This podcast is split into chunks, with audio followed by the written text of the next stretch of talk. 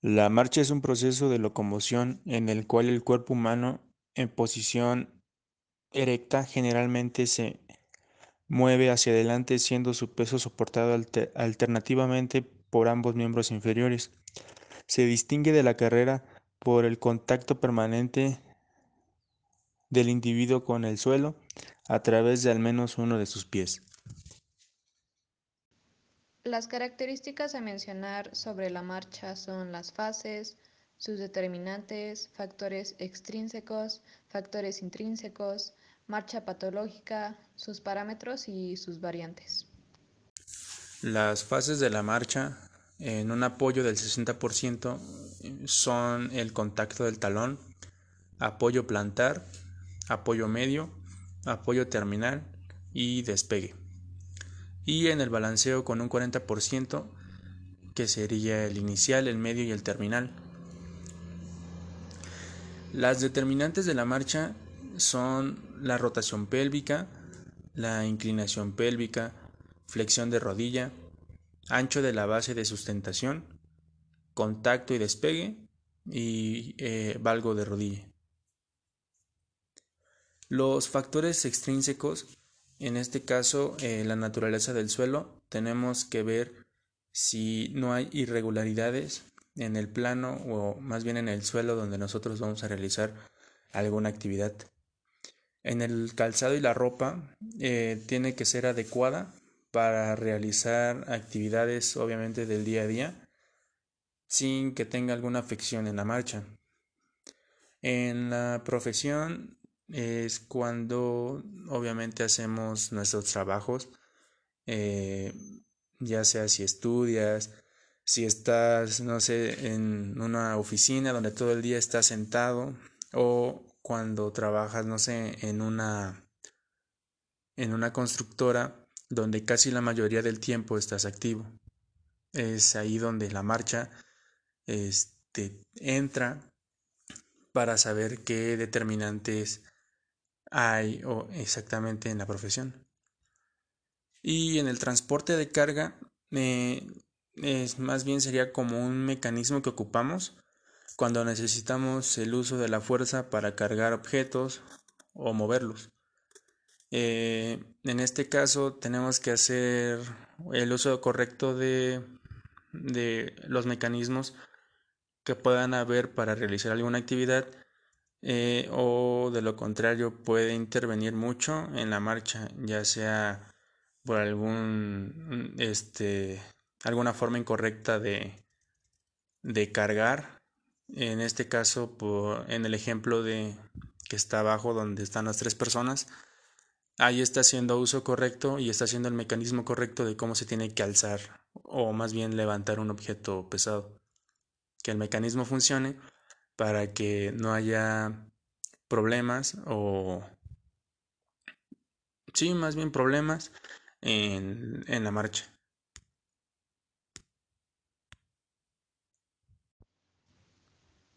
Los factores intrínsecos son todos aquellos que vienen desde la persona que influyen en la marcha, por ejemplo el género y la raza. Las mujeres tienden a facilitar más para el movimiento de la pelvis, por eso es diferente. También la fatiga, eso quiere decir que si estamos cansados o no va a depender cómo es que va a ser nuestra marcha. También influye mucho la edad, ya que no es lo mismo que evaluar una marcha de un niño a un anciano o una persona ya mayor. También influye mucho el peso y la talla. ¿Por qué? Porque la gente con obesidad tiende a tener problemas más para caminar y las personas altas tienden a, caminar jorobados. También influye mucho la personalidad y el estado de ánimo, ya que una persona introvertida camina diferente a una persona extrovertida. Por ejemplo, la persona introvertida puede que camine como un poquito más jorobado o, o así, y una persona extrovertida puede que camine derecha con la cabeza en alto viendo hacia el frente, entonces tienden a tener estos cambios. También em, el estado de ánimo influye mucho en la marcha, ya sea que la persona se sienta mal o se sienta bien, a un nivel emocional. La marcha patológica se llega a dar por anormalidades frecuentes. Estas pueden aparecer por, dos causas, ya sea por un déficit neurológico central, que es cuando el sistema nervioso a nivel, a nivel central se lastima y da anormalidades en la marcha, o puede ser por una lesión neurológica periférica, que es cuando a nivel periférico, como lo son los nervios, se lastiman y tienden a dar anormalidades. Los parámetros de la marcha se dividen en dos, que son los espaciales y los temporales.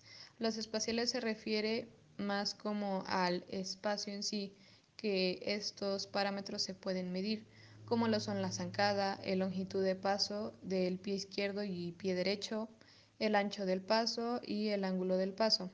Hay una imagen ahí que lo representa. Y se divide también en temporales. Este va más como hacia el tiempo que lleva la marcha, como es el ciclo de la marcha, la velocidad que tenemos al caminar y la cadencia que tenemos. Y por último, las variantes de la marcha.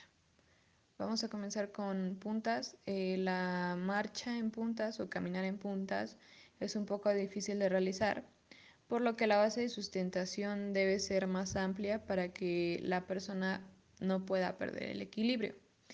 La marcha en talones, su base de sustentación debe ser igual, más amplia para no perder el equilibrio, al igual que el balance hacia atrás que hace la persona para no caerse. El que sigue es tándem. Este consiste en avanzar mediante contactos del talón de un pie con la punta del otro. Su base de sustentación es adecuada, por lo tanto tiene un buen equilibrio. En pronación, su base de sustentación es alta para mantener el equilibrio.